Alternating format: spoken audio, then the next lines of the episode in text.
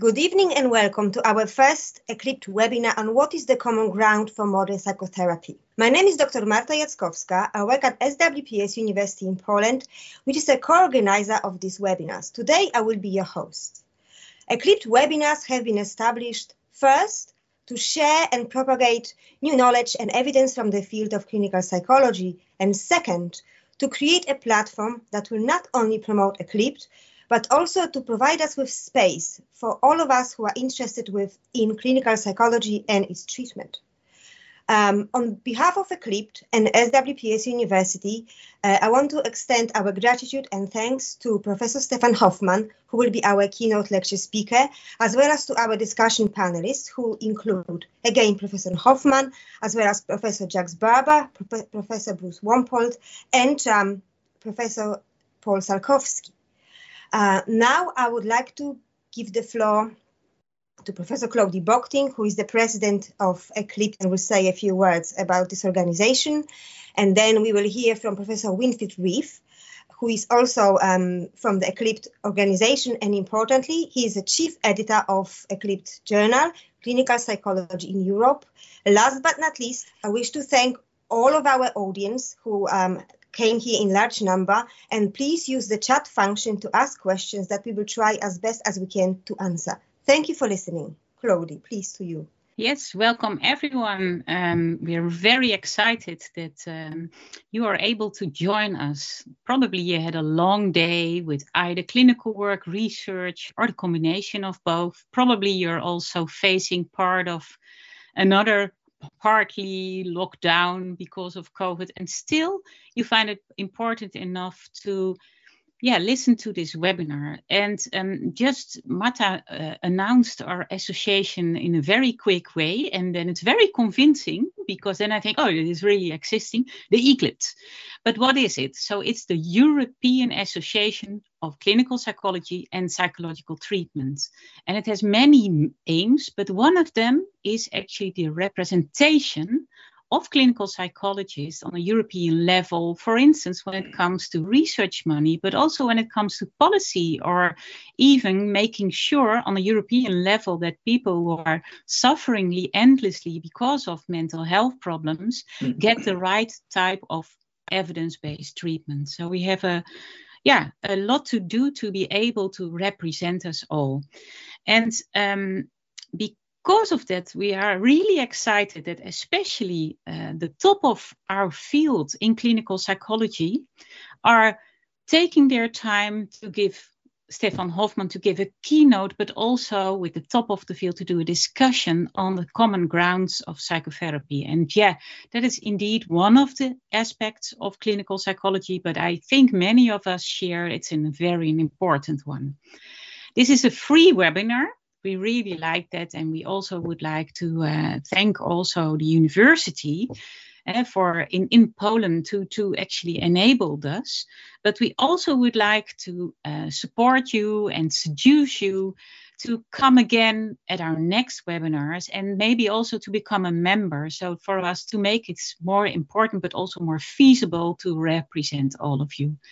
I promise to only talk really little because we want to go to the content and I really would like to um, I hope that you have a very interesting webinar and that you come up with all these chats so that we make it really hard for this top researchers in clinical psychology.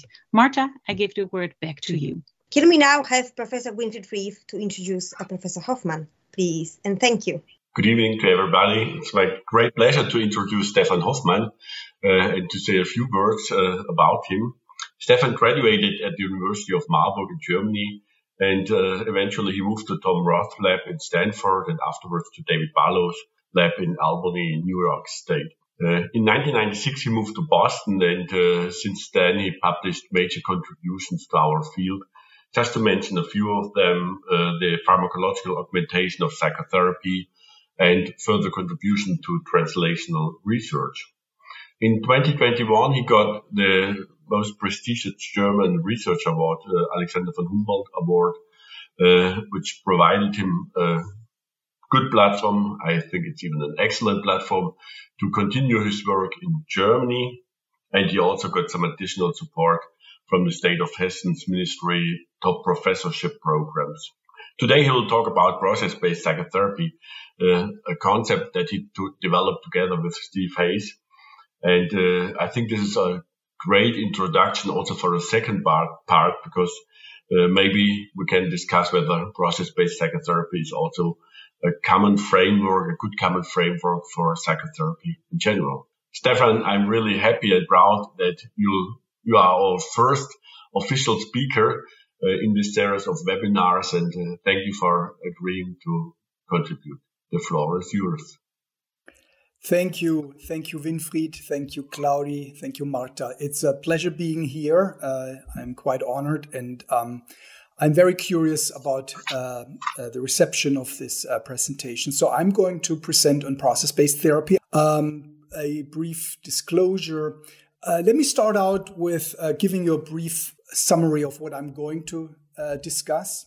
First, I'm going to describe this ongoing transition uh, that moves away from a simple nomothetic approach where we group people into more or less um, he- very heterogeneous groups uh, based on uh, a syndrome um, idea uh, toward a uh, that is based on a latent disease model toward an idiographic approach that is much more theory based and uh, that we would call process based um, I'm going to show you how this transition can be done practically, clinically, practically, and uh, and uh, how we can do this and targeting uh, these change processes that uh, we'll be discussing. And I think there there are lots of uh, implications of this approach. Um, one important one being that there are uh, that we can get rid of these unnecessary divides, schools, and can broaden uh, generally the range uh, of methods that are available to study evidence based therapy. So I would um, call it nothing uh, less than a paradigm shift uh, if we are moving uh, this way. I think um, you, many of you, um, will be will agree with me that we have problems in psychology. Some of you will agree with me that uh, we might even call it a crisis. Um, what is this crisis in psychology and, and also the crisis in psychiatry? Um, I think three points are worth mentioning. One is um, we are very focused on on syndromes, and we've been developing uh, very specific treatment protocols for syndromes, for uh, DSM and ICD defined disorders. Uh, as a result, we have been paying less and less attention to the individual, even though in clinical practice that's what we do. But in research, we're moving away from it. Uh, we are too mechanistic. We're too we're focusing too little on treatment change, even though it is it is uh, it is uh, popular and modern to study mediation. I believe the way we've been studying processes and mediation is insufficient and um, and and greatly deficient. Um, I believe process based uh, therapy is a solution to this. It is not a new therapy. It is rather a, a way of uh, combining what we know works uh, for an individual client in the best possible way. Uh, what is the what is the core problem of all of this of all of these different crises that I just outlined? I think the core problem is really this: the ICD and the DSM. Uh, and uh, they have been uh, obviously great. They, they have provided us with a lot of fertile grounds to study various uh, uh, psychological, psychiatric problems, and uh, have enabled us to um, um, to clarify some of these issues. Yet they are based on some. very simplistic and and perhaps even wrong ideas. As a result, CBT started out as a, as a broad um, uh, uh, general approach of studying mental disorders. Um, it, there was just one CBT. Uh, Tim Beck and uh, did not did not develop uh, different CBT uh, types. There was one CBT. I was trained by by Tim in, in CBT, and you adopted it to your clients. Um, now, but throughout this process of uh, developing uh, the ICD and the DSM, uh, we we provided uh, very effective alternatives to drug treatments. Um, and as a result, we, we turned them into highly speci- specific protocols. There's this uh, just a snapshot of a very long list of all sorts of different uh, uh, treatment protocols. Oops, I'm sorry. I think I missed here for a second my slides. Uh, different uh, treatments such as uh, acceptance commitment therapy for depression, and some of you might argue that's not really CBT, but we have CBT protocols for for uh, for bulimia, for for pain, for for eating disorders, etc. It's a long, long list. This is not for you to to read it, but uh, we are filling easily libraries with these treatment protocols. Um, and many people uh, make their careers developing uh, those kind of um, approaches. And obviously, um, there are many publishers who love these kind of ideas. At the same time, though, we have a fairly limited list of actual strategies that uh, that we've been u- that we are using in our treatments. Uh, these are behavioral and cognitive strategies targeting um, um, cognitive biases, targeting behavioral uh, issues, targeting motivation. Uh, this is probably not a complete list, but it is a fairly um, a, f- a fairly complete list that has been derived not by us, but by an interorganizational task force that was convened uh, a number of years ago, um, asking um, clinicians, scholars getting together and um, and and asking a simple question: What should our clinicians, what should our students, also more importantly, what should our students know? What kind of strategies should every good clinician know in order to treat any person uh, who comes into uh, her or his practice? Well, this is the list. Uh, they are. You might. Uh, you might. You will probably agree with fully pretty much all of them, and there might be issues that are missing, but not a whole lot. Uh, there are cognitive uh, uh, strategies again, problem solving, exposure, behavioral activation, interpersonal skills, um, modifying core beliefs, cognitive defusion, cognitive reappraisal, attention training, etc. List of 12, 13 uh, uh, such strategies. It is obviously uh, in clinical practice, you're figuring, you're trying to figure out how to put these components, these these competencies, these strategies in best use for a given client, similar to bricks that uh, uh, that you put together to form any structure you want to build. You can build um, bridges, buildings, and anything you want. The the bricks are these basic elements, uh, and these similarly these are the the strategies are those basic elements of um, of those um, approaches. There's no need to classify these structures uh, into um, uh, into anything other than uh, than what you're building with these bricks.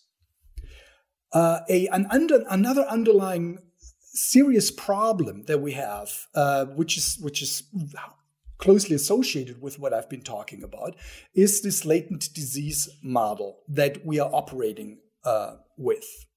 Uh, the ICD and the DSM assumes that we cannot measure and test and quantify the disorder directly. There's no test to measure depression, really, or to measure generalized anxiety disorder, etc. We we induce the existence of that by asking people questions, and we believe that these these uh, reports are exp- expressions of those symptoms that people have, of uh, uh, expressions of those latent diseases expressed in the form of those symptoms.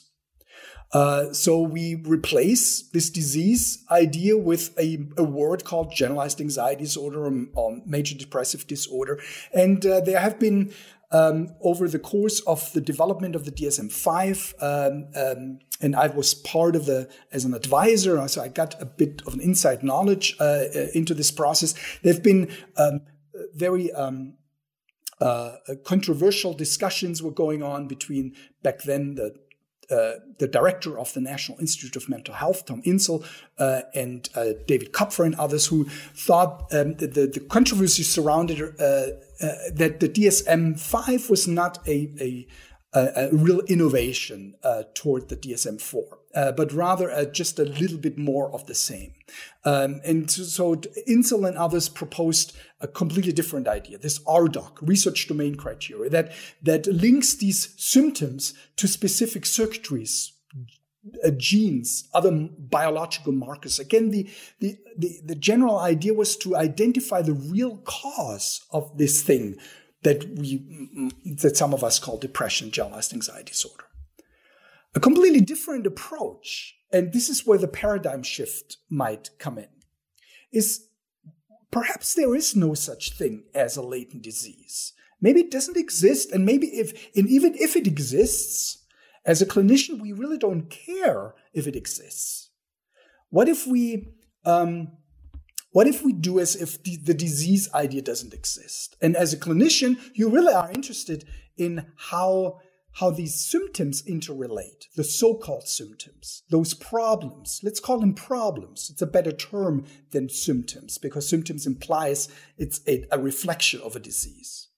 So, as an example, a person with GAD uh, worries and has sleep problems and a person with depression also sleep problems and and they might feel bad about poor uh, bad about themselves some of them not everybody. Whereas uh, out of uh, you know a, a, group of some 3000 uh, uh, depressed patients you see about a thousand different combinations of those symptom combinations. You have a lot of subgroups within the category depression What's important though is that these kind of these problems interrelate, that perhaps the, the sleep problems might actually be causally linked to uh, to the to the worrying. Uh, perhaps because the person is worrying, they might have sleep problems, and by by targeting the worrying, you might also target the, the sleeping. And as a, as a good clinician, you look at this functionality between these issues. That is the basic approach of problem of process-based therapy. Yet we are not really targeting this in the way we've been doing so-called mechanism research, so-called mediation research. We've been um, blinded by Baron and Kenny, who published in 1986 a very highly influential paper that basically introduced the idea of mediation and moderation as a as a, a, a um, as a different variable affecting uh, uh, the um, relationship between two variables. A mediator is thought to explain the relationship that exists between uh, variable one and two. In this case, between treatment and outcome. So, um, in other words, a treatment works um, in the in the clinical field, we believe a treatment works because it changes the mediator, which then changes the outcome. So this is a basic mediation model and looking at that, we've been all been trained and it has been drilled into our heads that this is the way we should do therapy research. And yes, there are now newer technologies and, and methods to do that, but basically it's the same idea.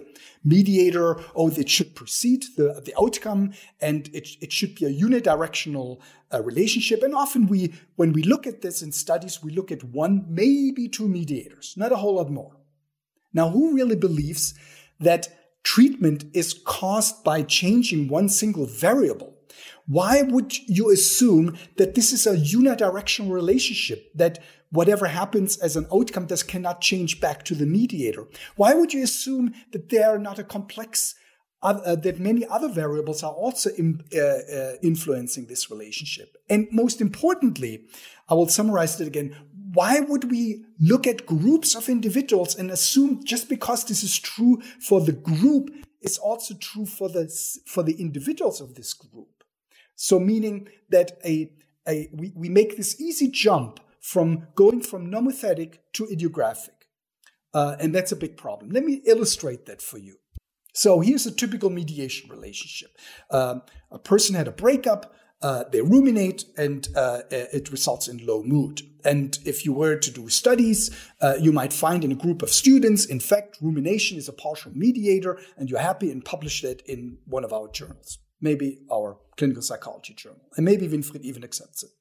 Now, but this is the problem here. Therapy mechanism is not due to one or a few variables. Therapy is a highly complex process. Variables in therapy rarely only form linear relationships. They are usually form bidirectional relationships, uh, and they are rarely linear. They are complex. That goes up and down. Um, and again, as I mentioned already, the pr- biggest problem I think is we're using nomothetic data to make assumptions to make to conclude what's true for the individual. If it's nothing wrong with studying groups, but group data tell us what's true for the group in order to study the individual, we need to, in order to, to make assumptions about the individual, we need to study the individual.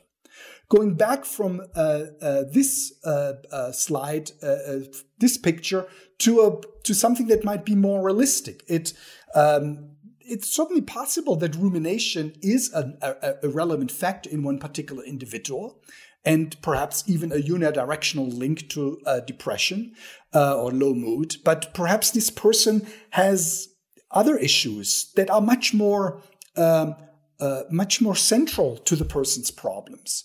Perhaps the person feels lonely, and maybe there's uh, low self esteem that contributes bidirectionally to low mood.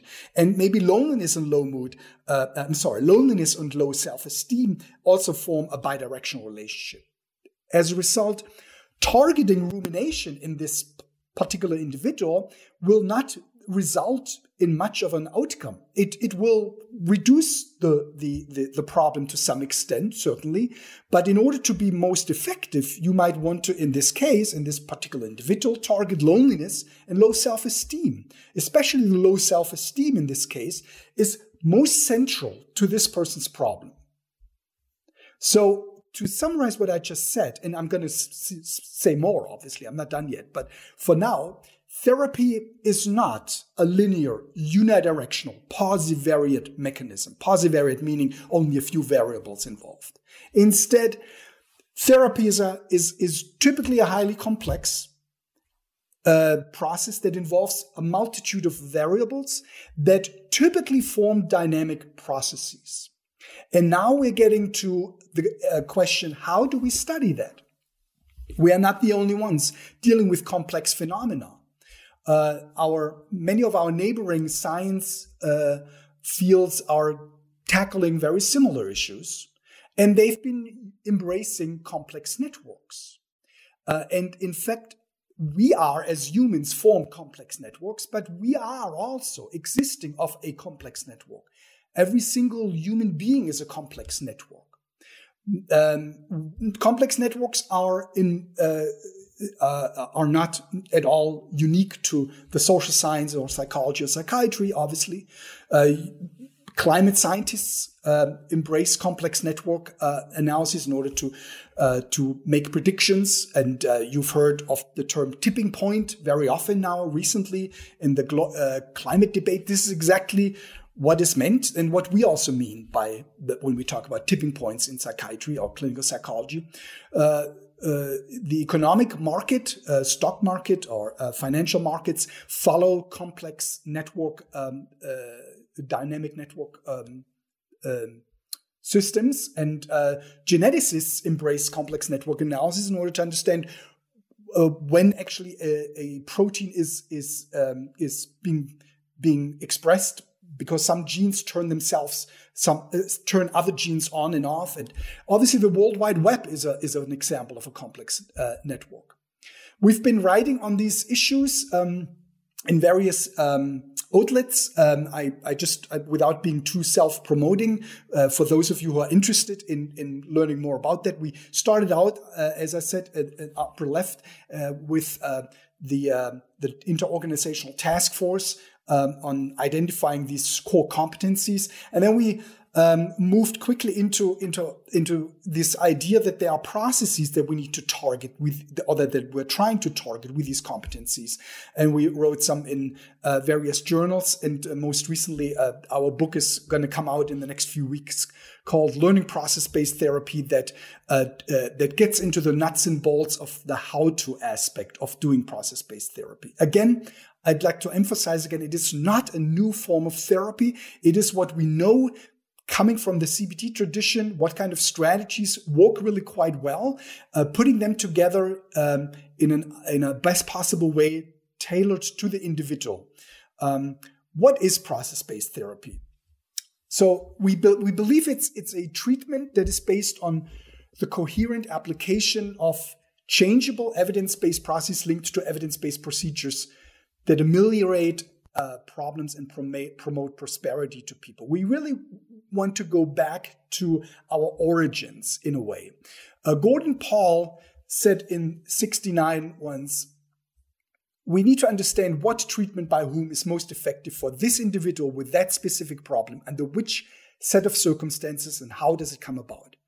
This how does it come about uh, uh, targets uh, the idea of processes, of mechanism. Mechanism is not as good as, a, as a, uh, of a word for us, I think, than processes, because it implies this uh, uh, what I just described, the bidirectional um, um, nature and, and, and dynamic nature of that. So we are expanding this definition, Gordon Paul's definition, and we're asking what are those core biopsychosocial processes that we should target with a, with a given client uh, uh, uh, um, uh in order to achieve a given goal. Uh, focus is on change. so change is, change is a, a, sequence of changeable events that lead to good outcome. Now, this uh, I'm I'm quite um, um, um, for, for good reason, I say good outcome and not uh, reducing symptoms, because we do want to target not only what is w- fixing people up in, in terms of reducing uh, negative affect, etc., but rather also moving them toward prosperity and toward toward a greater goal that they might have, and they might not even see it. And good therapists do this. They're trying to to move people beyond where uh, uh, their current state. So we want to uh, obviously want to be theoretically sensible. There needs to be grounded in evidence and in science. Uh, but we believe these processes are dynamic, they are progressive, they are multi-level, and they are contextually bound. We think of them as empirically established pathways of change.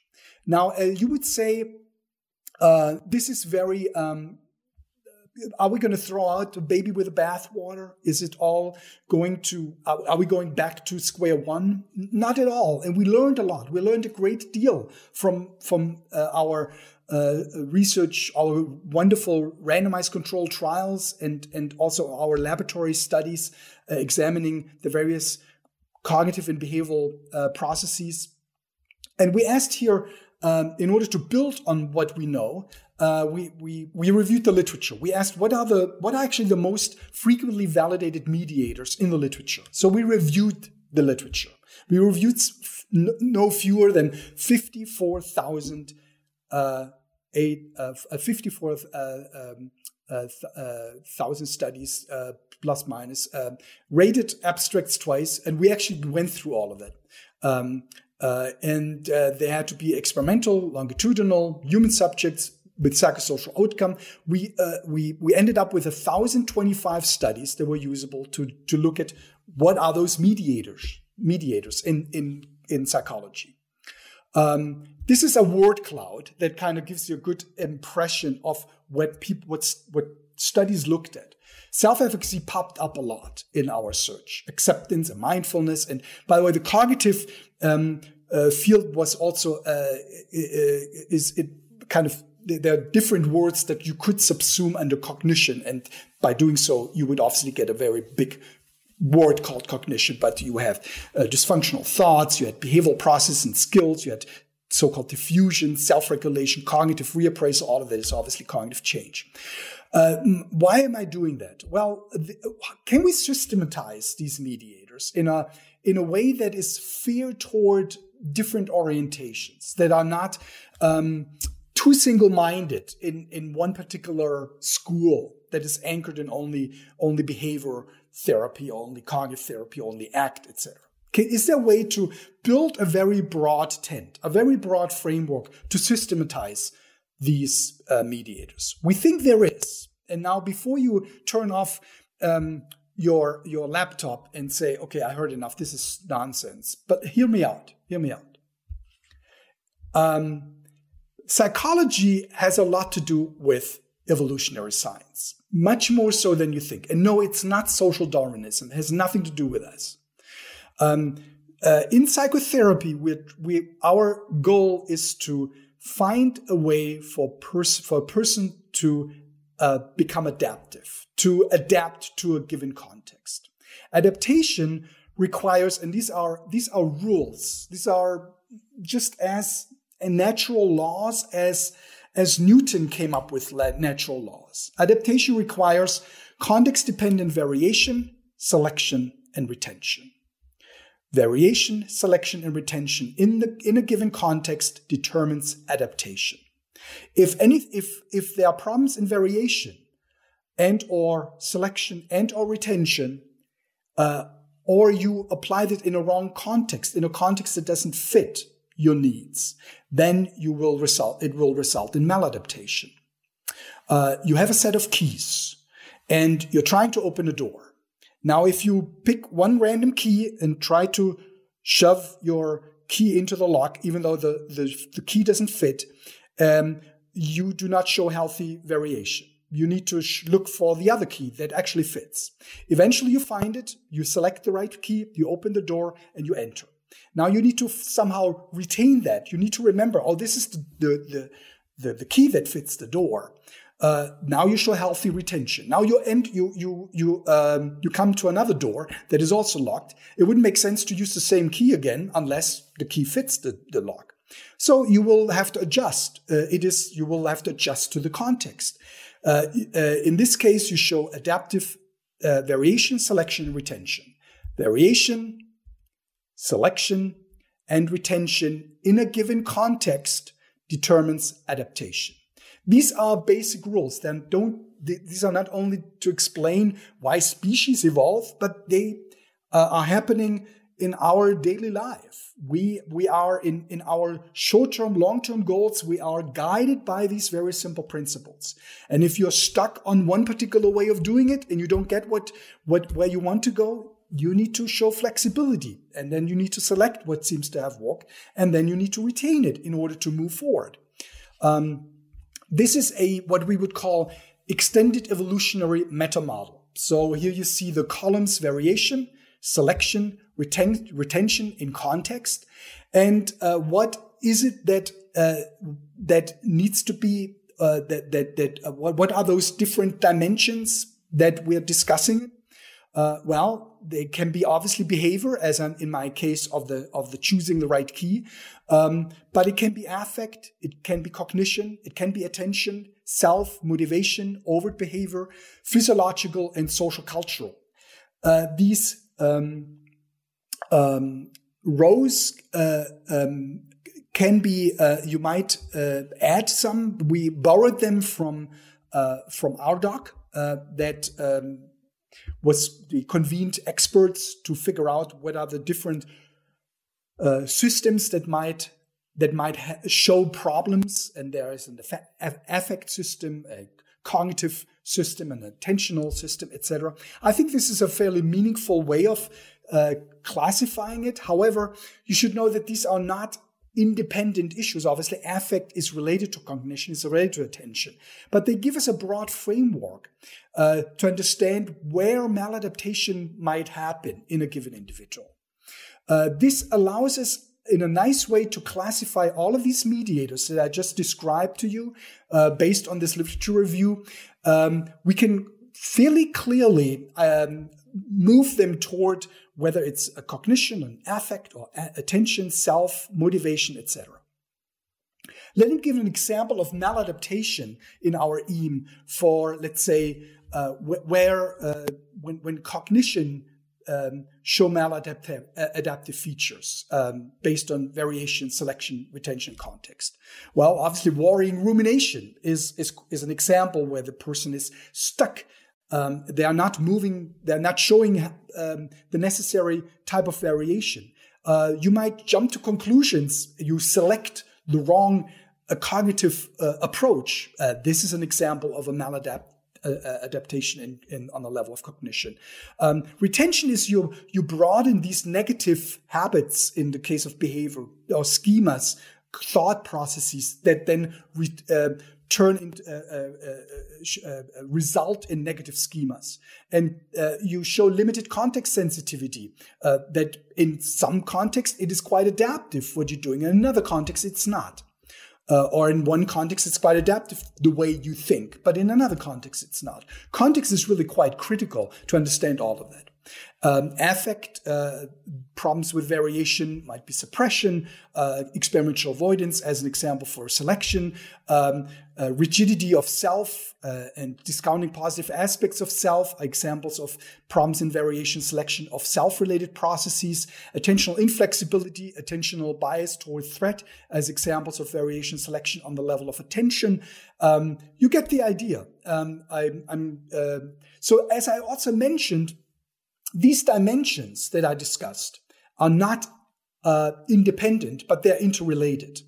And this is now where this, the nuts and bolts aspects of uh, PBT comes in. We want to make sure that these different dimensions of our broad framework um, are are recognized how they are interrelated how and here um, this ties it back to the complex network idea um, we developed something called an EAM grid, a grid that uh, that makes it clear how, where these problems lie. There can be attention, cognition, self, affect, behavior, motivation, biophysiological, context, or bio uh, or social cultural. And uh, as uh, I just give you an example of how we worked out one particular case. Uh, not going to get into detail in this case, obviously, but but here um, this person's central problem seems to be rumination, worrying that I will uh, that pain that she has never goes away. It's linked to anger problems on the affect dimension. Uh, she focuses a lot on the pain um, uh, uh as a central uh, node in the in the uh, attention um, dimension, and her chronic back pain is is a is an example of a biophysiological um, dimension. So uh, here we introduced as an example mindfulness as a way to perturbate the system, um, which which uh, uh, has an, a, a um, adaptive influence, meaning it, perturbates the system, meaning adaptation ad- adaptation toward toward uh, the desirable goal. Uh, not no longer being bothered by pain, uh, focusing on rumination, focusing on attention to pain. This is the basic idea. I'm not going to get into detail, but this is the basic idea. We are we're using uh, a, a, broad framework um, that widens the lens. As a CBT um, oriented person, you obviously are very focused and very alert. Uh, you're paying close attention toward cognition and behavior. But we also want to examine motivation and social cultural uh, uh biophysiological, self uh, related issues. Regardless of your theoretical orientation, we might actually derive some very similar uh, problem network in a given client. Uh, and doing so, there's no need to classify yourself as a CBT therapist or a psychodynamic therapist or an ACT therapist, etc. Therapy here is a way of changing a maladaptive network into an adaptive network. We want to perturbate the system uh, uh, in an individual client. And we also want to uh, uh create an adaptive network now. Uh, we want to insert nodes that are that's, that, that lead to self-sustaining of this adaptive network. As we move along, this is a, an example of a dynamic network uh, we will encounter those tipping points that I just discussed earlier. Um, a, uh, an, a, network um, in dynamic network analyses, people often talk about catastrophic bifurcation. This is this means that there are two attractor states.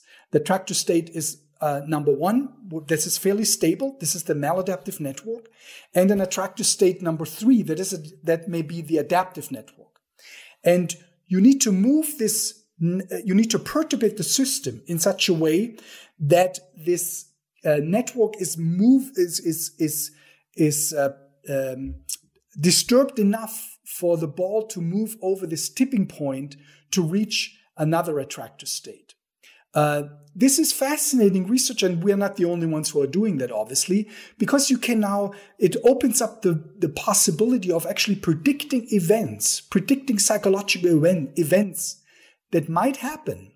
Uh, because this ball, as it comes close to number two, to, to, to position number two, uh, there are, there are um, uh, things happening in the network that are quantifiable, that actually signal, such as uh, something called a phenomenon called critical slowing, um, that signal that the tipping point is about to be reached. Imagine, imagine the, the, the possibilities. You might be able to predict a psychotic break, a, a, a suicide uh, attempt, or, uh, or, um, or you might even, or you might predict that the person is about to recover from whatever they're struggling, etc. So these are back to the strategies that we've been discussing. These are our basic building blocks that we are using to perturbate the system.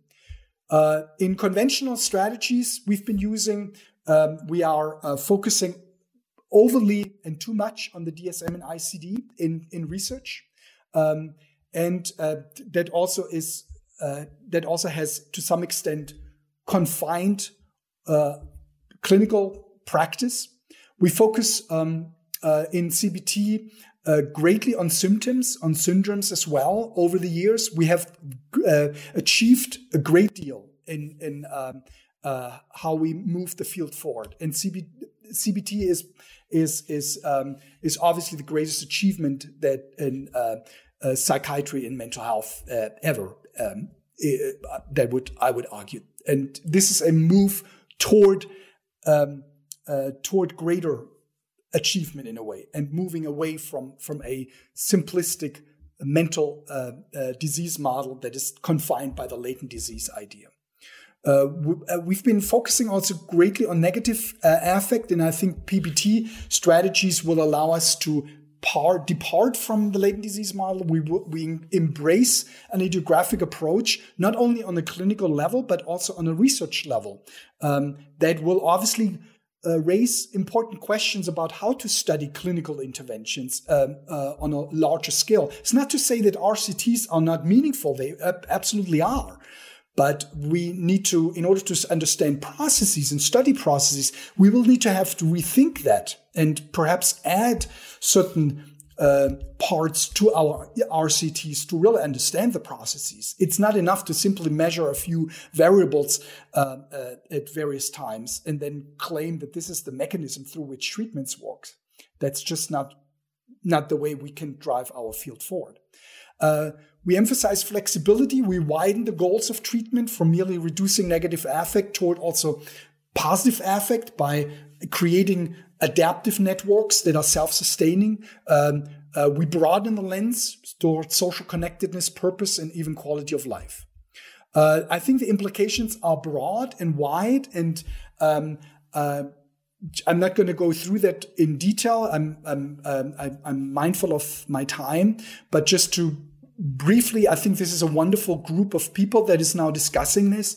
I think this will be a um, we have um, there's room for everybody really. Uh, there's no there's no orientation uh, that should be excluded. Uh, in fact as long as there's evidence for the strategies that you're using i think there is room to build on that. Again this is not a um, a final list. PBT as we see it is a process is a, um, uh, that that moves forward. And um, I, but i do believe that uh, these evolutionary science principles that I outlined earlier uh, uh, are here to stay. They will provide us with a with a very uh, um, adaptive, no pun intended, framework uh, to um, um, to move toward greater uh, personalization in our field. Thank you very much for your attention. Professor Hofmann, thank you so much for your fascinating talk. We will now have a panel discussion that will be hosted and moderated by Professor Winfried Rief. I just wish to remind everyone that present here we have uh, Professor Stefan Hofmann, then Professor Paul Salkovskis, Professor uh, Jack uh, Barber, and then, then Professor Bruce Wampold. And now over to you, Winfried. Thank you.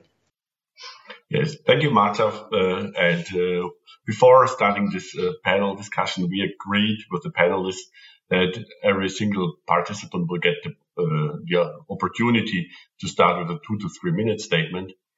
And I would suggest Jacques Barber that uh, you will start. Jacques is certainly known to many of us for his various studies on psychotherapies, especially psychodynamic and cognitive treatments, but also the e-health field. So Jacques, what about your opinion about our major topic, searching for the common ground of evidence-based psychotherapies? I mean, at first I want to tell Stefan that it was a very fascinating lecture. And I thought, I tried to read some of your papers and I must say that your lecture is so much better than your papers, so much easier to read, so much more comprehensible, and etc., etc. So that that was very helpful to me because that then I can understand better what I, have tried to read. Um, so I think the, I have a lot of agreement with the problems you present about clinical psychology, psychopathology, diagnosis, and stuff like that. I think I completely agree with you, and I'm surprised in fact, I was kind of surprised to hear that there is a process CBT going on in the world, as you know, it's not always something that was clear to me. However, my main problem at this point is that um, I really uh, admire this uh, erudition, this knowledge of combining neuroscience and psychology and biology. That's amazing. I don't understand all of it, but that's that's fine one of the great things uh, is that I think you really are creating a common language for CBT. So you are doing a process, it's not process based therapy, but what I see is a process based CBT. Because I feel that uh, some of the work that we've done is not part of this tradition, it's not been in, in, incorporated. I'll just give you a few examples. So I think, for example, listening to somebody well is an incredibly important technique and mechanism in, uh, in psychotherapy. In fact, I would argue that one of the things that we have never studied, or at least I don't know that somebody has studied that, is this idea that when I hear myself speaking in therapy, I'm learning a lot about myself. And I really begin to realize a lot of things about what's going on.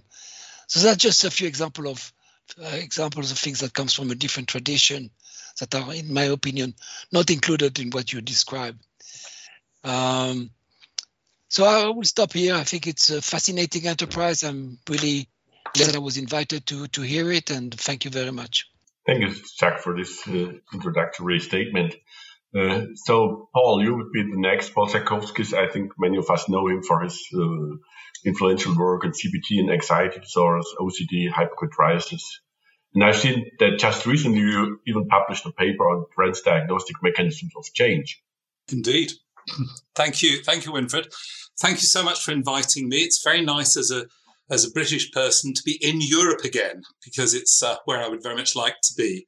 Um, this is where I shout out for Latvia, and I have a Latvian passport. So there we go. I'm really a European, not one of these stupid British people who've left the European Union. Okay, so well, Stefan, Stefan, um, I, I, agree with um, what you say, but the thing is, I've been agreeing with it for 40 years. And uh, it, it's rather important because I don't think the paradigm shift you're talking about is, is actually a paradigm shift. I think that we've known what, you, what you're talking about, process based therapy, is a weakened restatement of formulation, which is central, in my view, to, to actually all therapy. I think that these approaches are not disease specific and, and never have been. Some American protocols, particularly, you know, the, the, there are a range of protocols, particularly in America, which have, have used disease specific approaches, but, but I don't think that's a very good way to go and never have really.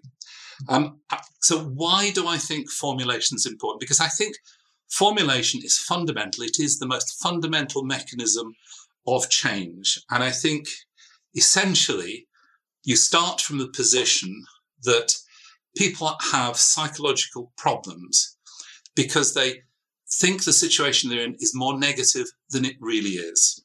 And what you do in therapy, what all therapists do, I think, is take people who are stuck in a particular way of seeing themselves, their situation, the world, and so on, and allow them to consider and evaluate alternative, less negative ways of viewing all those things. And actually, the process of therapy is, is the process of helping people work out how the world really works. And it's really important that it's not, it's not just about thinking positively or, or whatever. It's about being flexible in your thinking and try to work out what really goes on. And the fundamental process in therapy, as far as I'm concerned, is a partnership of two experts. That's myself as the therapist and with some claims to be expert, which, you know, I could exaggerate.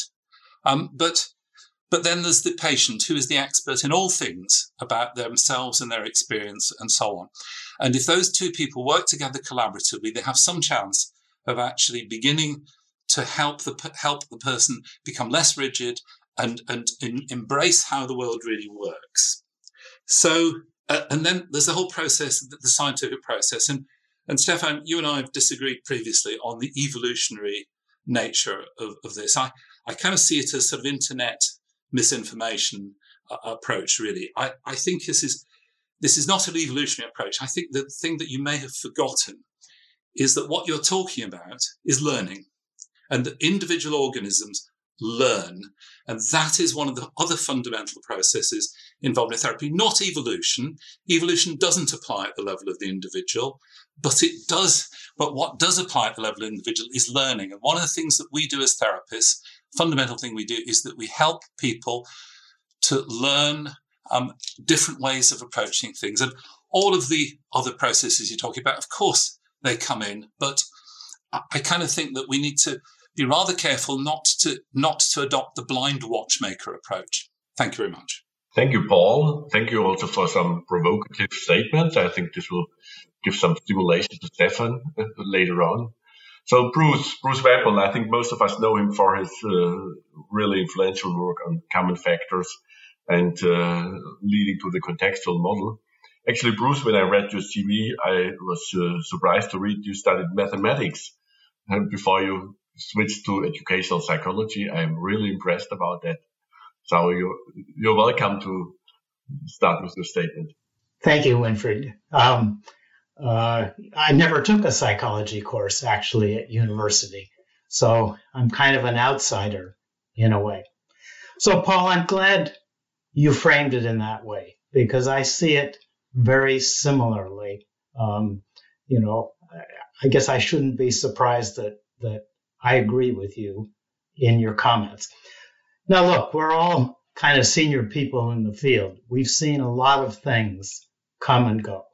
It, it is particularly frustrating that we have five, 600 different therapies that have been developed. Um, uh, with some rare exceptions, we don't have any reliable differences among them. So we invent new things, and I have my my pet peeves about things that we give new names to, which are really old things. Um, and so I'll use a, a British example, Paul. Uh, Peter Fonagy talks about epistemic trust. If that isn't genuineness in a Rogerian sense, I don't know what is. Okay. Uh, behavioral activation, one of our new treatments for depression. Well, they had to scramble and go back for a basis to it. They went back to, um, oh, now all of a sudden I'm blocking um, my colleague at the University of Oregon. Um, oh, I can't think of his name now. But we went back and, and formed the basis of it. Behavioral activation was Peter Lewinsohn, was talked about Peter Lewinsohn decades ago. So we invent these new things. Um, the question is, is what Stefan is talking about is something new, or is it something uh, we've been talking about uh, previously? I think, Stefan, you're right. The, this idea of experimental psychopathology, we could identify a deficit with every disorder, is dead. And I'm glad um, to hear you say that because you and some others have always been advocates for this uh, specific protocol for specific disorders. So I'm very glad uh, to see that uh, coming um, to an end. But you know, there's lots of process models about how psychotherapy works. Um, Jerome Frank, where is he in all this? He talked about many of these things. Sol Garfield, Orlinsky and Howard. These were all kind of generic models. I happen to think uh, I have one that's that's particularly viable, the contextual model. But where are these things? Are we just putting some kind of process with a new um, uh, language to it and a new way of, of looking at it? So I, I would say, um, Paul, that, that I agree with you. There isn't much here that's new in a fundamental sense. I'll say a little bit about the network analysis. Yeah, it's great to, to kind of see that. The way we apply it in psychology is all kinds of statistical and methodological problems.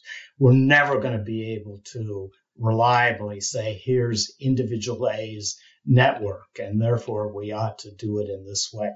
But what you're really talking about when you put that network analysis up there of all the different kinds of uh, processes and which causes which is a case conceptualization. And all psychotherapy is personalized because we make case conceptualizations. CBT has been doing that, uh, uh, psychodynamic, focused psychodynamic therapy. This is what personalizes it. And we test it out in, in therapy by um, trying different strategies. And when they don't work, we understand a bit better about those uh, processes. So Tracy Eells writes a lot about uh, case conceptualization. I think uh, that's been a critical thing uh, for a long time. Um, so, a couple questions. One, will instituting this res- result in better outcomes?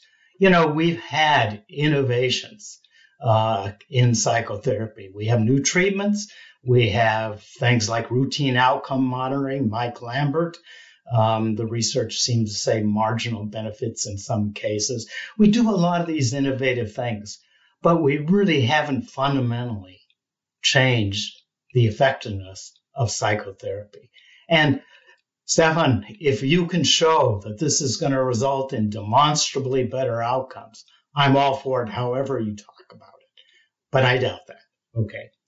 Second question Where's the therapist in this? We know that the therapist makes a, a large difference in the outcomes. There are really effective CBT therapists, and there's less or poor uh, CBT therapists. We know this. The same is true for psychodynamic therapy, every other therapy you can think of. Where, why do we always talk about treatments and conceptualization of, of uh, um, uh, problems and so forth, and forget that we got people delivering the treatment and they make the difference? Okay. Then you had that word map with uh, different uh, words there of, of, strategies that are important. But there's some things missing there. We know a therapeutic alliance, regardless of treatment, is extremely important, yet therapeutic alliance is nowhere in that word map. Same thing could be said of empathy, expectations.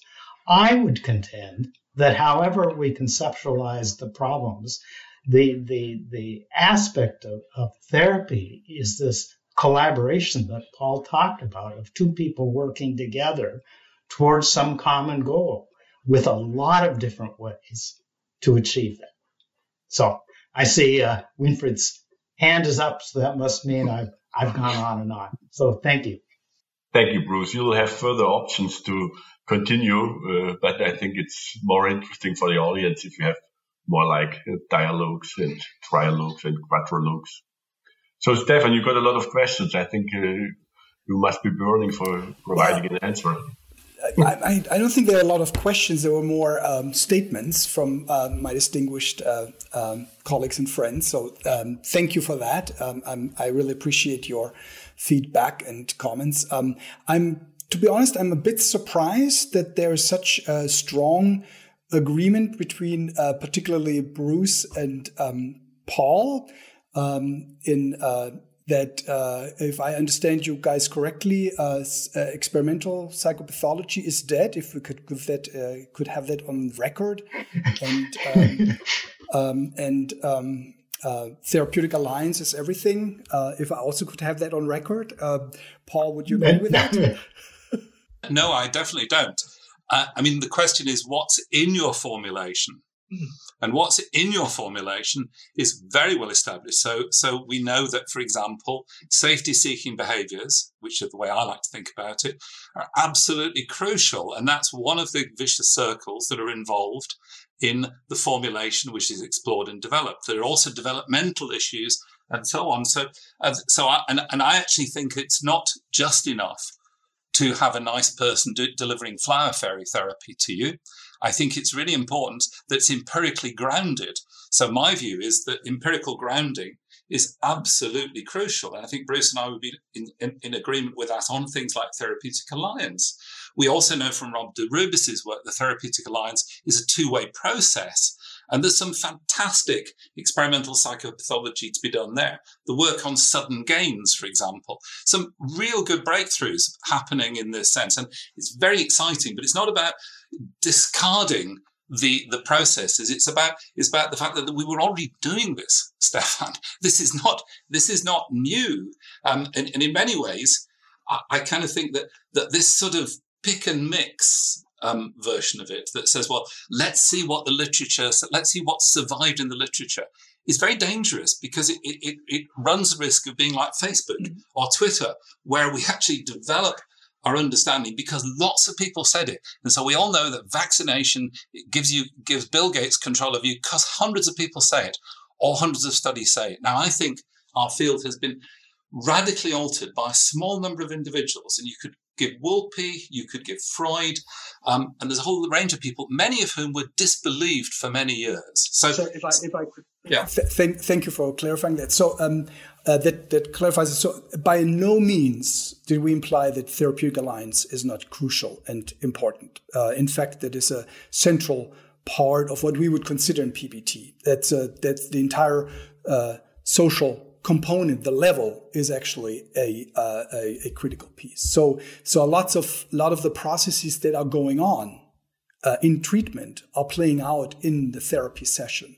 Um, uh, it is for that reason we would argue, by the way, that um, uh, computerized, uh, fully sort of more or less automated therapy type uh, intervention approach is is is not going to be overly fruitful in the long run. Uh, you can boil it down to simple strategies to try this and try that, but you're not moving the person toward the desirable goal. So um, the um, I, I, if I could just say uh, uh, um, uh, again, thank you, Jacques, for for your uh, just a few words to everybody. If I could just very briefly say that, uh, Jacques, thanks so much for your kind words. Um, I do agree with your um, statement about process-based CBT versus process-based therapy. We were we were d- discussing that in great great length, Steve and I, and we we initially called it process-based CBT.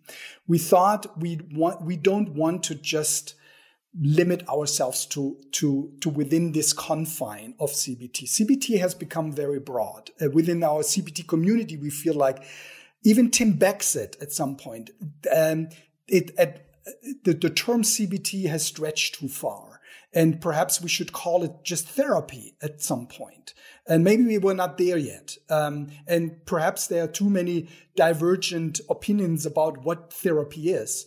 But Rest assured, the term CBT is has become so broad that it's not overly meaningful because it's much more than just C and the B um, uh, associated with. So, uh, um, and um, uh, just briefly to Paul uh, uh, again, um, um, I I I uh, respectfully disagree with your judgment about the evolutionary science um, uh, idea. Um, uh, Richard Dawkins' Blind Watchmaker is a really old book. I recommend that you uh, instead David Sloan Wilson's Darwin's Cathedral or uh, other work. He has been a co-author on many of our articles that boils down to uh, to the to the core principles of of evolutionary science that uh, that is not debatable. I think even even the the most um, the most um, how shall I say um, um, uh, opinionated uh, scholar in the field would agree that uh, adaptation uh, in in real life requires flexibility. Very that means variation, selection, selection, retention, sticking to what seems to work, and then fitting it to the context. This is not new at all. This is what also Darwin said. The problem is that psychology uh, has been adopting it, has, has been sort of in a, Darwin has become a had had, uh, had a very bad rep among psychologists um, because we are thinking in terms of um, you know social Darwinism and and uh, and and and uh, uh, features of, of, of humans that make it that make them more adapted than uh, than others. That's nonsensical. The evolutionary principle is is is a fact of life and that applies to humans if i could just now say a few words about uh, bruce i i, I, I uh, again i completely agree with that therapeutic alliance is is essential and basically you're you're you're supporting my case that these kind of strategies are old. The strategies are out there. We don't need to reinvent them. We don't need to find actually a lot more new ones. We have what it takes to, to treat people adequately. What is required is to actually fit them to the individual, to the to the given person sitting in front of us in the office. That's what the and PBT is an approach, and perhaps it's the, not the ideal approach, but we are trying to, to provide broad guidelines for clinicians to take on a very broad lens uh, and, and then make individualize these strategies to the given client. So, and I'm stopping here now. That's a, a great place for me to comment, Stefan, because I, I think that's a important um, uh, observation to make that this is a general set of strategies that might be used for particular patients. Now, here's a question I have. So, one of, I'm convinced anyway, and I think many others are, that a coherent explanation for the disorder and a means to overcome one's difficulties with some actions very specific therapeutic actions.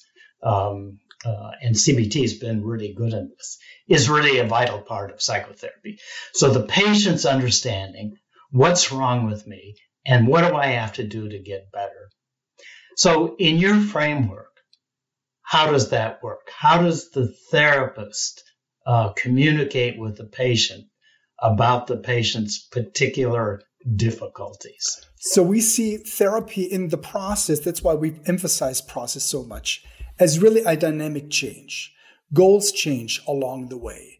Um, sometimes they come into therapy, don't even know where they want to go. This is the, for that reason, these kind of, these complex networks allow us to, to visualize that. And it's not a simplistic functional analysis, by the way. It's, it's sort of bringing in uh, as much information as we can have, and we develop that with a client. So, in other words, that is it is it is worked out in the therapeutic context, and, and often.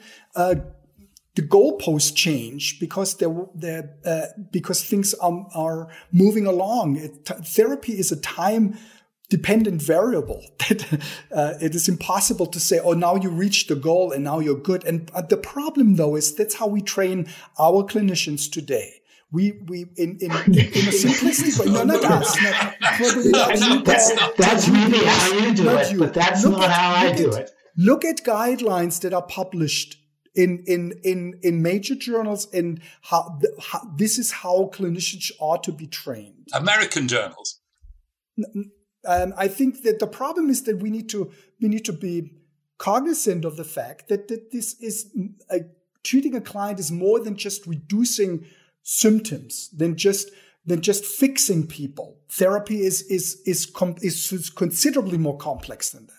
But Stefan, we've been saying this. Critics of CBT have been saying this for decades. And we've been, just, we've been you, embracing, embracing it now. Yes. Yeah. We've been embracing what you, what you just said, many of us have been saying over and over to you. Now we're listening, Bruce. And, and, and Stefan, Stefan, an awful lot of cognitive behavior therapists have been doing it for an awful long time. And in fact, you and some of your colleagues have discovered it quite late.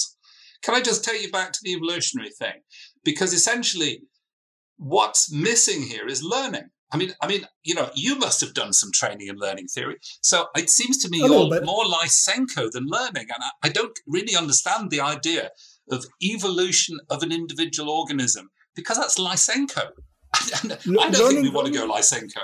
Ad- adaptation is uh, learning is leading to adaptation. Yeah, but why not call Organisms, it learning? We know a lot about learning, and you know, I, I learning I, is I learned learning theory. You don't have to you don't have to put it in a dimension of this EAM. Learn this is learning. This is adapt is moving forward. Is learning is too broad in order to confine it to this. But but but my patients can learn. They actually struggle with the idea they're going to evolve.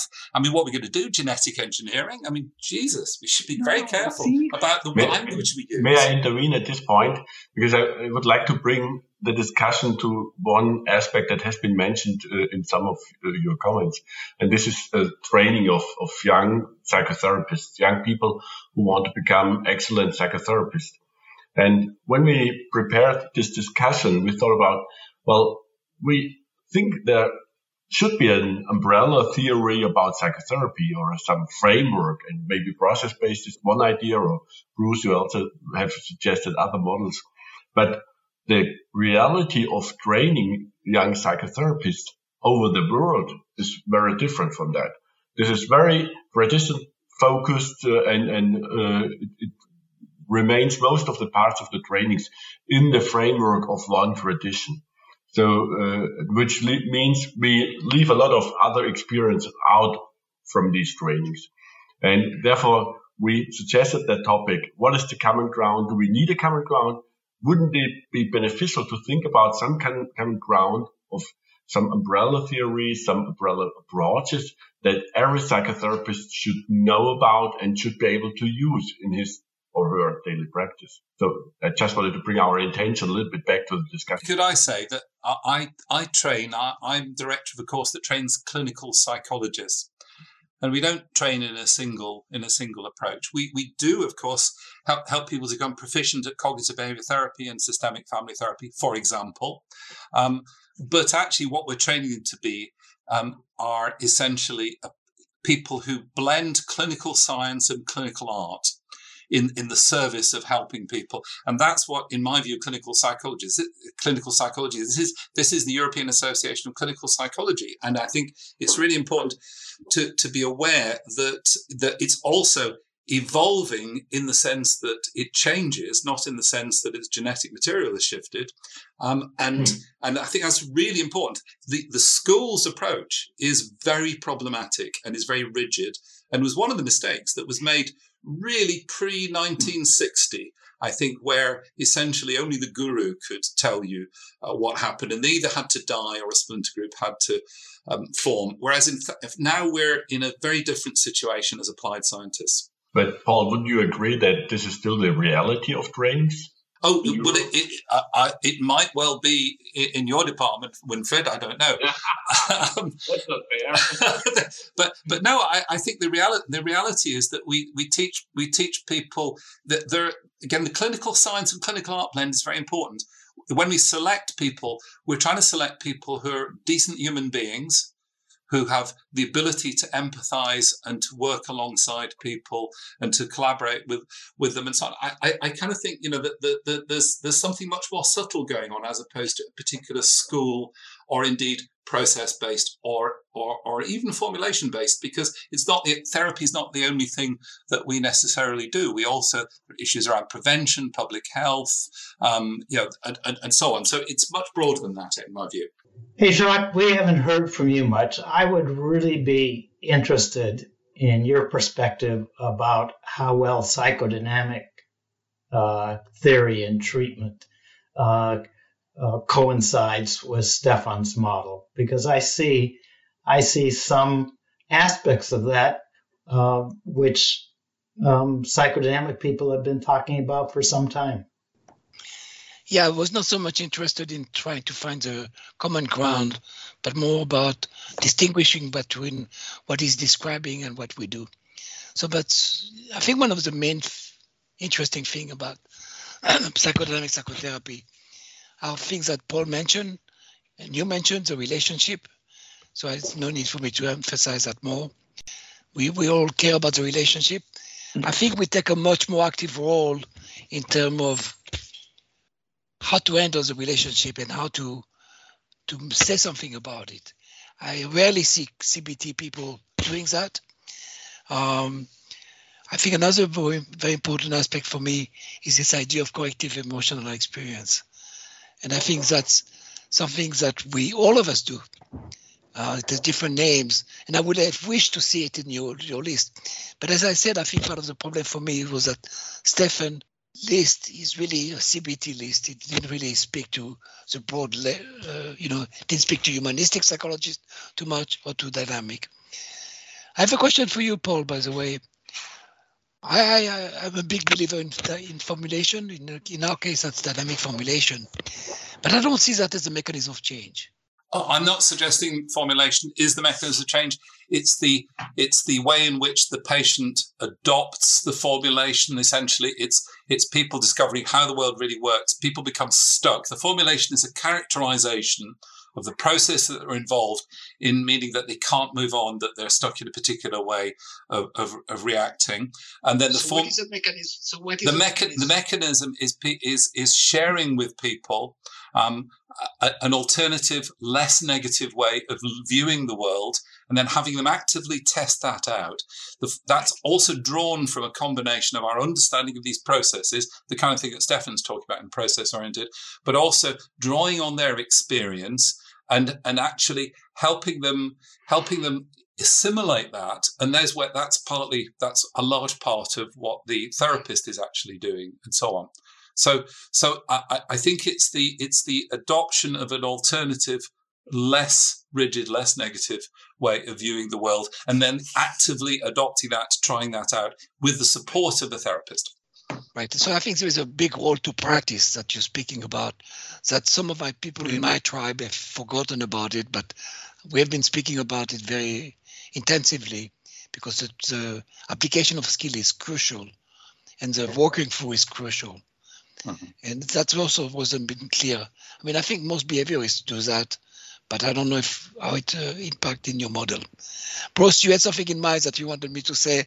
I welcome you to say it yourself. Well, yeah, I mean, I, I, you know, the personalization. Take Malan's triangle, okay? That's a general triangle, but when the psychodynamic therapist applies that, every patient has different uh, defenses used in different way. And we could say that's maladaptive behavior. And what we're giving is an alternative to try out collaboratively. I mean, I see, see so many uh, parallels. Paul, I like the idea that we're we're uh, learning. The patient is learning something new, and the learning theory really has a lot to tell us about how to initiate that, how to consolidate it, how to make it reinforcing. Now, we do it in, in so many different ways. I mean, you're going to do it different in CBT than Jacques does it in, in dynamic therapy. But the patient is learning something new and they find out that it's reinforcing and the therapist and the patient collaborate around that learning and consolidation. I don't think we have to make it too much more complex than that. Uh, if I could, uh, could I follow up with a, a, a, question that came up when Jacques spoke? Um, uh, what is missing in our approach, uh, or in other words, what could, how could it be expanded to accommodate a more psychodynamic approach? I would be honestly curious. We just gave you some example of strategies that we tend to use that you don't mention. Okay. That's one thing. So this could be the relationship, but it's also interpreting the relationship, listening, and reacting to what you listen. I mean, I think all of us do that, but it's not. I didn't see that. Yes. Okay. So that's a that's well. A well we have it. We have it sort of hidden, hidden in the in the in the social social um, dimension of uh, you know. So, but but I I uh, okay. It, yeah. Let's give you some ideas. Yeah. Stefan, I think the matrix of your different dimensions for the patient is is potentially a useful one.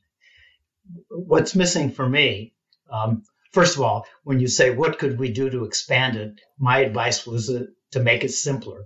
Okay. It's much too complex as it is. Um, so, so don't don't make it don't expand it. Make it simpler. But what's missing for me is, and maybe it's there, and and I admit uh, having not read um, this carefully, is how that works out in the course of therapy, and how does one apply that model and learn to apply it in a way that's um, simple enough uh, for both the therapist and the patient to collaborate. It, it and, is... and simplicity is something I found. When I hear therapists explain what's going on, sometimes it's so damn complex. Uh, I have to go back to graduate school to understand it. Patient wants a simple, understandable, direct way, pathway to learning something new, to use yes. Paul's language. So, so um, how did we do that? I, I, I hear you, uh, Bruce, and that's why we, um, w- without being overly self-promoting, that's why we wrote uh, Learning PBT. This learning process-based therapy is exactly doing that. It, it guides people through that process, and we've been doing more workshops than I can count at this point on this issue. And our clinicians, um, the consistent feedback. By the way, clinicians in our workshops are from all different orientations. Typically, not the the the typical CBT folks, but they are more from um, uh, often we have psychodynamic folks in there and, and also third wavy folks. And they're saying that, uh, especially the experienced ones saying, I do something like that already. It, it's, it's, but it gives me a, a broad framework uh, to also it guides me to, to know why I'm doing what I'm doing. So the we and that's what we wanted to do. We wanted to go back to to the to the clinicians who are sort of have this wisdom in in how the the the tailoring, the individualizing the treatment. How do you do that? And that's uh, obviously we wanted to still base it and foot and place it on empirical and evidence. Um, so it can't be anything that you that that seems to work, but it needs to be derived based on evidence. That was our sort of crucial uh, starting point.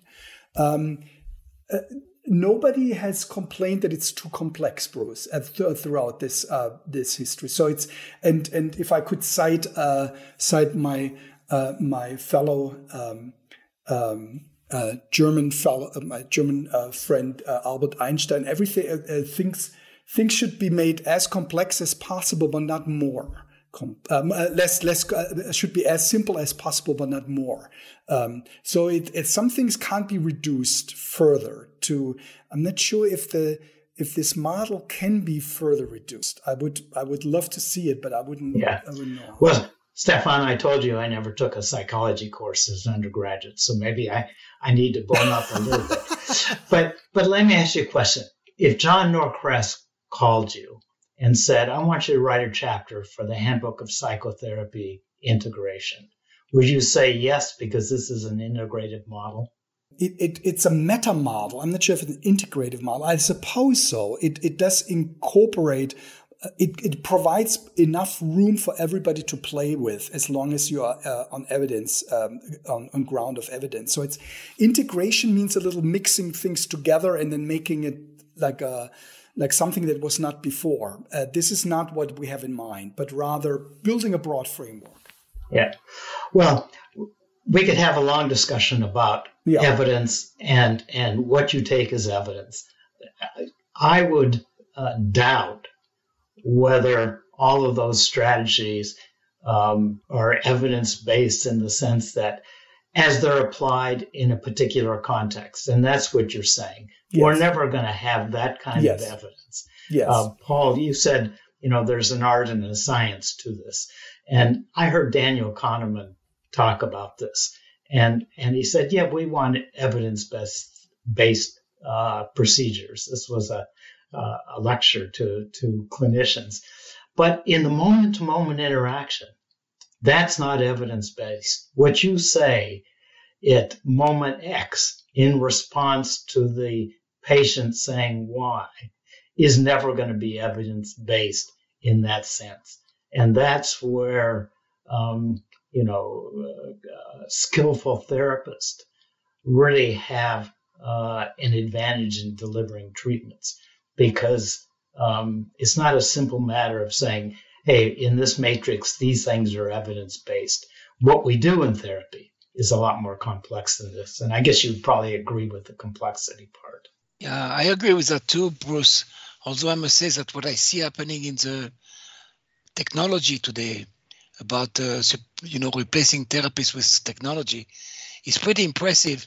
And you know it's easy to see that 20 or 30 years from now, the computers will be able to do things that. So I, I mean I agree, but still, yeah. I, I see things yeah. happening that are uh, just yeah. just amazing. Can I say something about that actually? Because Stefan, you were a bit dubious about computerized based CBT.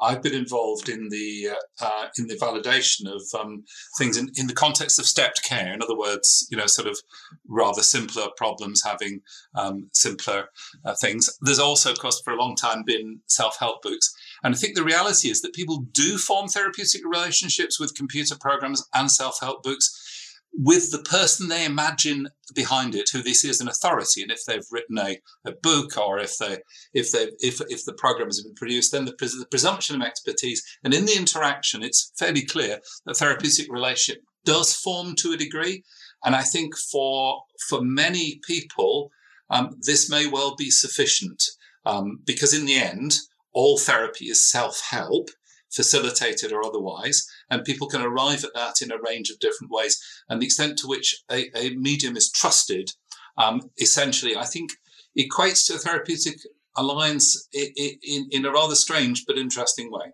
So well, I, let, me add, let me add something to this because I, I was very interested in this question and I began asking patients to fill out the questionnaire about their lines before they even saw the therapist. And it's very highly correlated between what they expected of the lines before the saw therapist and what's happening after that. Yeah, it's also well, related to outcome. Well, the alliance, the in. alliance in computer uh, assisted therapy like that, Paul, is just as predictive of outcome as it is in face to face. The other point I would make is we got to come back to Paul's comment about learning. So you can learn by sitting in a room with a therapist facilitating that learning. But that's not the only way we learn. We read books and learn. Uh, we're computer assisted things. So if you take that learning framework, you really understand how a range of interventions could be effective. So if I could just say um, the um, I mean, adapt- uh, moving toward adaptation is learning, right? First of all, so it's not it's not at all inconsistent. Uh, it's actually, in a way, a different word for for saying the same thing or different phrase. Um, but um, so computerized uh, or also e-health, digital health, clearly have a role, and I'm I'm also moving pretty far into that because it's it's also especially within for C, for PBT, it, it can be incorporated. The goal of why we do that is to not only to do, to find way, uh, uh, easy ways to deliver it and cost effective ways to deliver treatment etc and and in order to move some people toward a betterment in their condition. All of this is fine if that's your goal but i think our ultimate goal and i wonder if you agree with that is to treat everybody in the best possible way and if we if we if we use that as our goalpost, then sitting in front of a computer is just not going to cut it. I, I, I firmly believe that. Maybe for some, what you mentioned, Paul, for some minor issues in the step care, to to to have some guidance in in very very circumscribed issues, perhaps for some. But in in replacing therapy with a computer um, yeah, we, we target the symptoms, we target the, the specific problems. We're not dealing with the individual in, in the in the in the way we could. Stefan, there's two things. That's an empirical question, and I think you'll find that that that, that actually that there's already some answers which say you may be wrong. The other thing is that it's fine if you're doing if you're doing private practice with rich clients, but the reality is there's a world out there that's suffering in a really very major way. And you ask your friend Steven Hayes about this. You know, he talks a great deal about suffering. The reality is we need to, we need to help people deal with their mental health, uh, the mental health issues or psychological issues and problems. Not disagree. And, Not disagree. And, and, and therefore, therefore, the idea that only that Bruce or you know or, or myself Not or Winfried are, are the, the only people who can do it, I think, are, are not there. And I do think if we assume, as I do, that the key processes can be dealt with by self help, and that a therapist is a very efficient way of doing that, if we can distill that in the way that you mentioned Gordon Paul, that Gordon Paul did for, um, for, for specific phobias, you can distill that, then perhaps we can make ourselves redundant from a large range of problems. And I think, I think that's a worthy goal um, at all kinds of levels, um, in, in my view. Yeah, these are two different issues. Sorry, this is not. We we, we have a we have a mission to to improve uh, suffering in the world. Period. And uh, there are there are, and you can do it in different ways. Um, the the the theoretical goal that is that that is that PBT is based on is to individualize treatment in such a way that you achieve optimal outcome. But, but Steph, Stefan, and in order We've been doing that for years. We've been doing No. that for years. And the question is whether it's not. possible to distill that. We have not, Paul. We have not. We've we've been grouping people together in in ridiculous, arbitrary diagnostic categories and saying somebody has a depression. Or No, honestly, speak you've for yourself. I You've mean, been but- studying OCD. You haven't been. St- the, the, this no, is the I, I've studied. of I've studied obsessional problems. No, I know, is- but you're, you're grouping people based on uh, based on surface symptoms. I think you need to read my work, Stefan. I know you've accused me of not reading yours, but I do think you and and Well, and, and I mean, let me let me let me say the object lesson. Joe Wolpe was the object lesson in this because Joe Wolpe, 58, is publishing 80 sessions of Jacobsonian relaxation, 80 sessions of systematic desensitization, right? And you know, and and you could never distill that, could you, down to one session? Except Lars-Göran Öst has done exactly that, and it, and it, it's pretty clear now that you can do the same thing on the basis of computerized uh, computerized program. So, so these things evolve in the sense that the, the, the people doing the research learn from these things, and we learn to do things better and better, more and more efficiently. And that's been true of panic, it's been true of OCD, specific phobias, and, and, and so on. And we just need to get better at it. And the idea that, y- the that effect size are essential. decreasing over the years. You know that. Sorry, Um, Pim, Pim and others showed that the effect sizes are that was decreasing over the depression. That was depression specifically. As an example, yeah. well, it's it seems to be the only example. Depression never got solved. I mean, the, the, the big problem with depression, I blame it on the lovely Tim Beck, who wrote in 1979, wrote a book that could not be improved on in 1979. And, you know, God bless him. You know, he was the most amazing guy. But he was so far ahead of his time that it was really hard to improve on that. And that that blighted, that actually blighted the field. He, he also helped the field. I'm really not criticizing Tim but you know there's there's a, the, the the advances the advances that we have made and if you you know, put Pim Cuijpers on specific phobias and i think you will find that over the last couple of decades things have got a bit better and then we could do a couple of other examples you know but but let's not Well, Okay, may I interrupt at this point? Uh, because we also have some questions of the audience. I think it would be nice to uh, allow them, and I hope you agree. So uh, there is one question uh, whether in-session contact processes involving both client and therapist are also an issue in, PBT. Uh, and this brings me to a little notion, just which I we might allow that I added.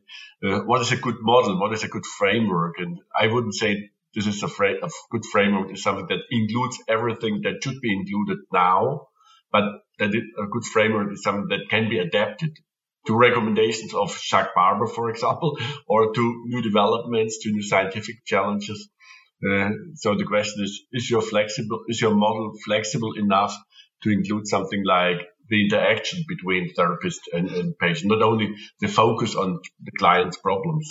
In fact, I wouldn't. I would argue not only the uh, the, the, the idea of uh, showing healthy variation, flexibility, selection, retention in a given context is also the the process that a therapy therapist should follow in order to approach a client's problems. Uh, a therapist should never just stick to to his or her favorite technique and approach and and and and keep pushing and pushing no matter where uh, uh, where it gets uh, where it goes so that this this this context dependent um, um, approach is uh, is not just on the level of the client, obviously, and also uh, and the, the, therapeutic relationship evolves throughout this process. So it's a di- we see it as a dynamic uh, as a dynamic process that is being that is at any given moment um, a, a a different one than it was before, uh, and uh, needs to be reassessed in a way.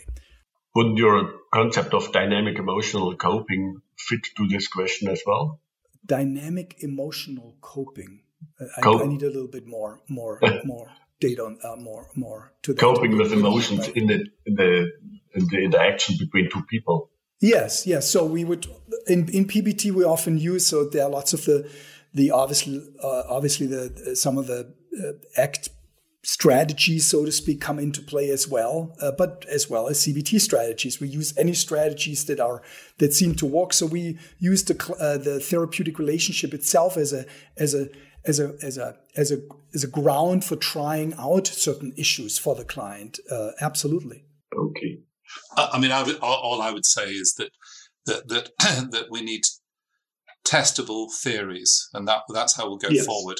And you know, there are some theories which are um, un- are easier to understand than others. And again, Tim Beck, yeah, finest formulator of theories in in my lifetime, I believe, um, uh, and so on.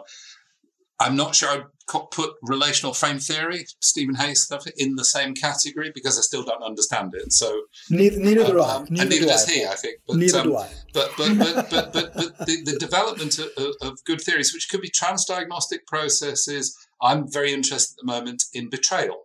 Uh, and it's something I'm doing quite a lot of work on, uh, which and that's obviously you know that's that's that's it's an event, and then there's how people react to it, and we got some quite nice theories which do draw a little bit on um, things of other people in the room uh, as well. And, and I think that's really interesting and developing testable theories, which you then knock down. You know, I mean, Wolpe's reciprocal inhibition went. It went. Gordon Paul thoroughly demolished it in a really good way. And, and you know, I, I kind of think that's the model and, and, and you know, the, the, there's a rather nice thing about science proceeds in stages. In the first stage, we know we, we know nothing and, and believe that we know everything. In the second stage, we know nothing and believe we know nothing. There are no further stages. And and, and, and, and, and it's like, you know, that is definitely true for, for, for, for us at the moment. And, and if we remember that, then that will allow us to make progress um, piece at a time. But the theory is super important, basically. Well, that raises the question of what's testable in this model. Yeah, yeah. And, I would I would say this. My prediction is that those therapists you train in this model are not going to become more effective than they are now. We come back to this question of access to treatment. And I think these energies we spend discussing new treatments, new meta treatments, better spent in trying to increase access to care because we know what we do is remarkably effective. We just need to treat more people. More people need our services. So, but then I also the question is how do we treat them, right? I mean, this is also linked. Um, and and uh, we we the, the, the, my starting out point was treatment protocols are not the right way of doing that um, because we, we need to reduce them down to to to components, smaller smaller blocks that we can put them together with. Uh, that's the that's the entire starting out point. What do you what do you agree with that or not disagree, Bruce? Well, I would probably agree with you that just having a manual for a particular problem without understanding the conceptualization for this right. particular patient is right. problematic. That's nothing new. And, you know, in defense of CBT, they've said that all along. this is a general model for this particular uh, uh, um, uh, syndrome or, or collection of, of issues.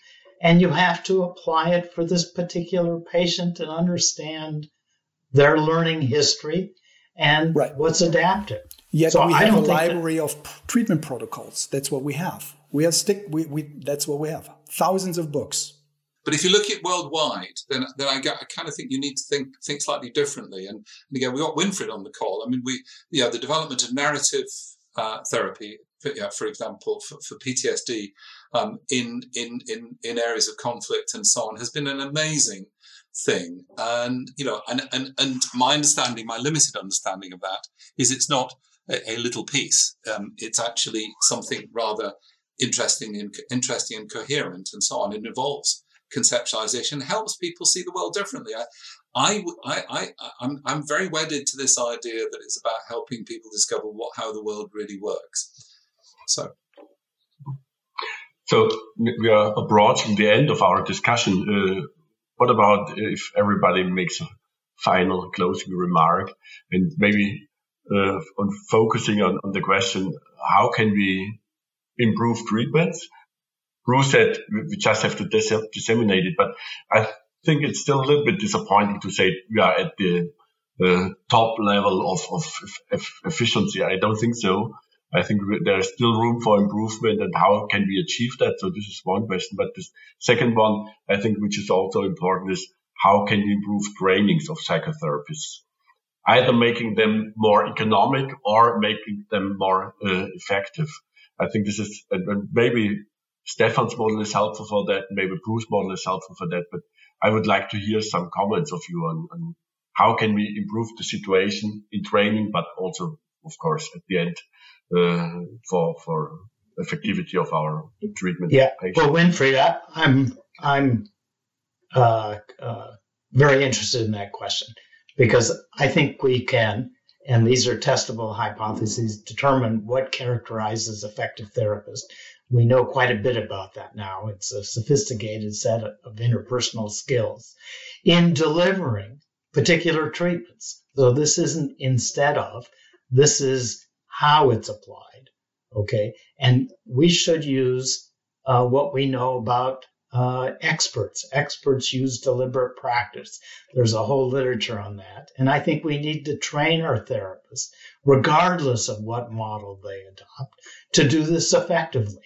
And the, the, the, the criterion is do they get good outcomes with their patients? For me, I don't care what uh, uh, treatment protocol is used, whether it's CBT, dynamic, or or Stefan's protocol, if the therapist in his or her practice achieve commendable outcomes.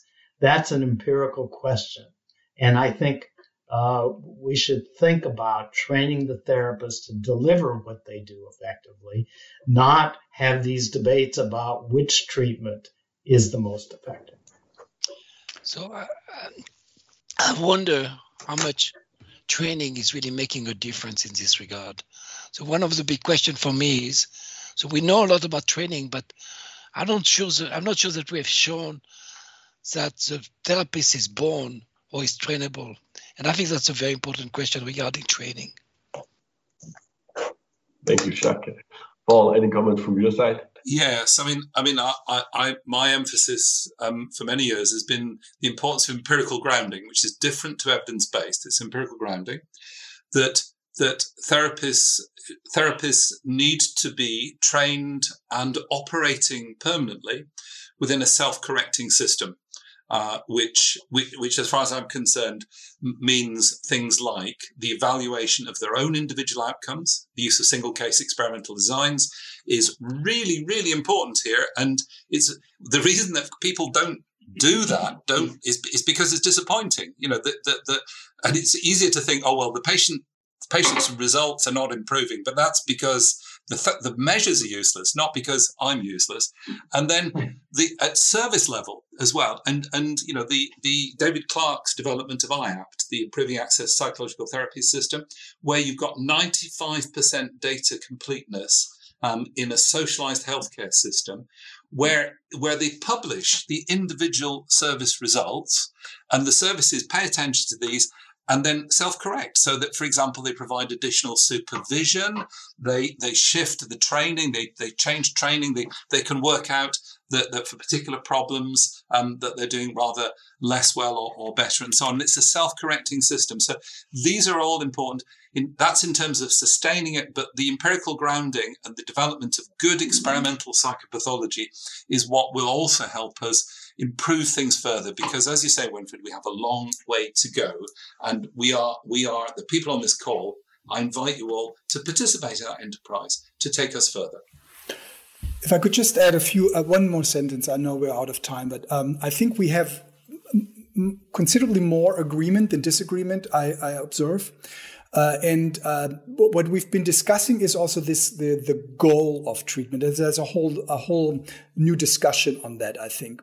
And I think we need to this goes back to where we're starting out from because we we need to rethink uh, the the you know we the, the, definition of a goal is not reducing symptoms in a client uh, and and and reducing uh, clinical severity rating of a on a particular scale. This cannot be the goal. Yet that's how we do treat uh, the research. That's how we do it. We are we are we're doing this kind of RCT work. I've been I'm I'm as guilty as anybody. I've been most of my life I've been doing these RCT trials. Okay, and I've I've come to the realization this is this is not the way forward. We need to rethink the way we do we we we did, we have a lot to offer as as, as uh, in our field. We really have the strategies. Uh, compare that to to most of the most effective uh, pharmacotherapy. We really know how to how to deal with people, but we are not assertive enough to say let's let's let let, let me let us take take over the the steering wheel and uh, and let's get rid of this syndrome idea, uh, this latent disease idea, this this confinement. Let's just. I know you've been you've been there already. Some of you, Bruce and and Jacques. Um, we not everybody is on the same page with that, and uh, I think it's in, we need to rethink clinical science research in a fundamental way. Okay, I think this gave us a great frame for the whole discussion. Uh, so I would like to finish here and hand over to Marta to say some closing remarks. Um, thank you very much, everyone here, and also those at home. It's been fascinating um, and also very enjoyable how you um, were politely debating with each other and agreeing to disagree and also agreeing. Um, please watch a space for our next webinar, which we are planning for February and then May. And then in November 2020, we can all meet at the EACLIPT conference in Warsaw. So thank you very much. Good night and see you soon.